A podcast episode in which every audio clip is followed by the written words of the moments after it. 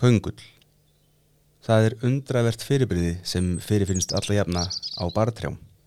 Köngull er hirsla fræja og fræ er nýtt líf.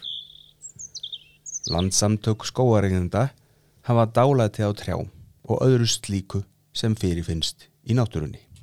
Köngull er ekki bara hlaðvarpstáttur heldur ígildi gulls sem vex á trjánum.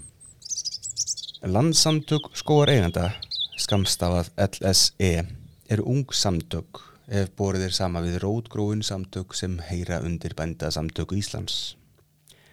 LSE var stofnað 28. júni 1997.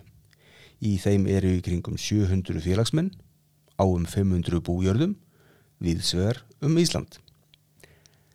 LSE eru reglifasamtök, 5 aðeldafélaga, hvert á sínum landsluta, Norðurland, Östurland, Suðurland, Vesturland og Vestfyrðir.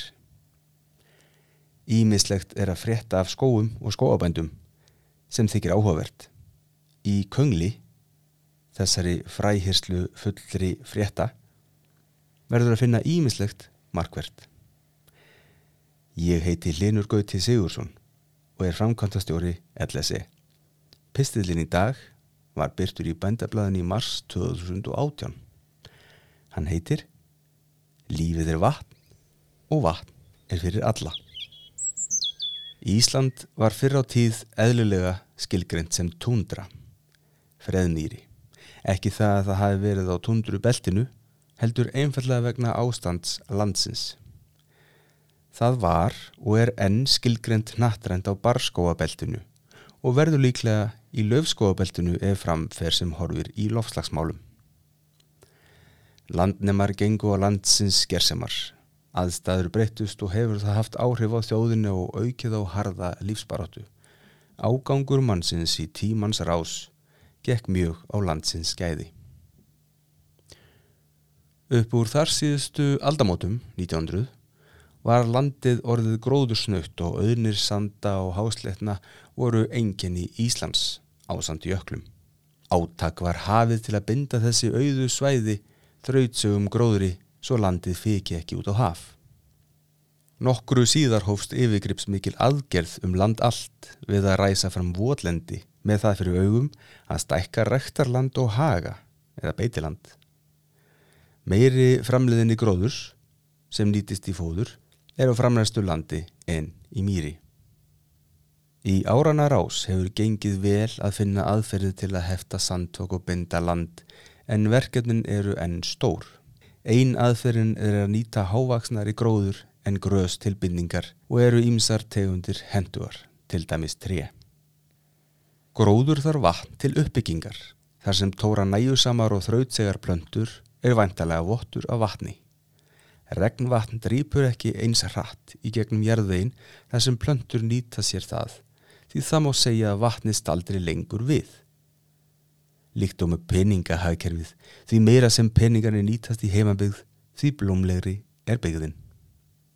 Að nota skórakt til landbóta bindur ekki bara jærðveg, heldur býr skóurun til skjól fyrir landsvæðið í kring. Þetta felur í sér ótal marga kosti. Tré, eins og annar gróður, nýta fyrst og fremst vatn og loft til uppbyggingar. Því umfangsmeiri og stærri sem plantan sækist eftir að vera, því meira vatn þarf hún til að binda kólefni úr loftinu. Þar sem mörg tré koma saman er mikið vatn á ferðinni. Á sumurinn nýtist vatnið uppvexti trjáa og dýra.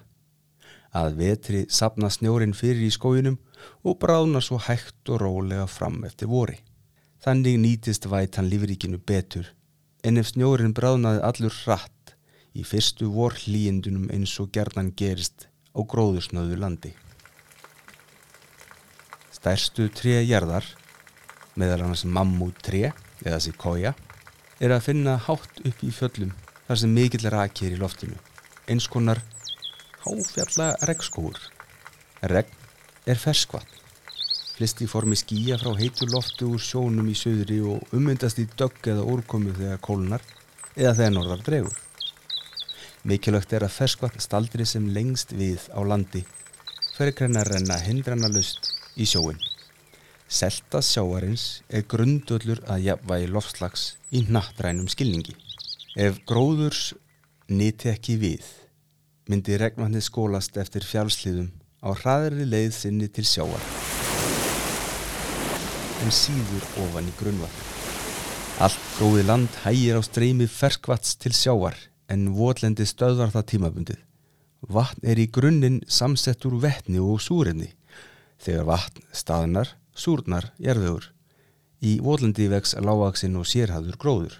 Ef hraðað er á reynsli vatsins um votlendi, eh, landið rest fram, þornar landið smán saman og aðstæðu fyrir annan gróður batna, þar á meðal gjöful grös og tré. Land sem er gróður í glætt er besta nýtingi lands fyrir líf. Því meiri gróður, því meira annað líf. Líf, eins og við þekkjum það, byggist á vatni.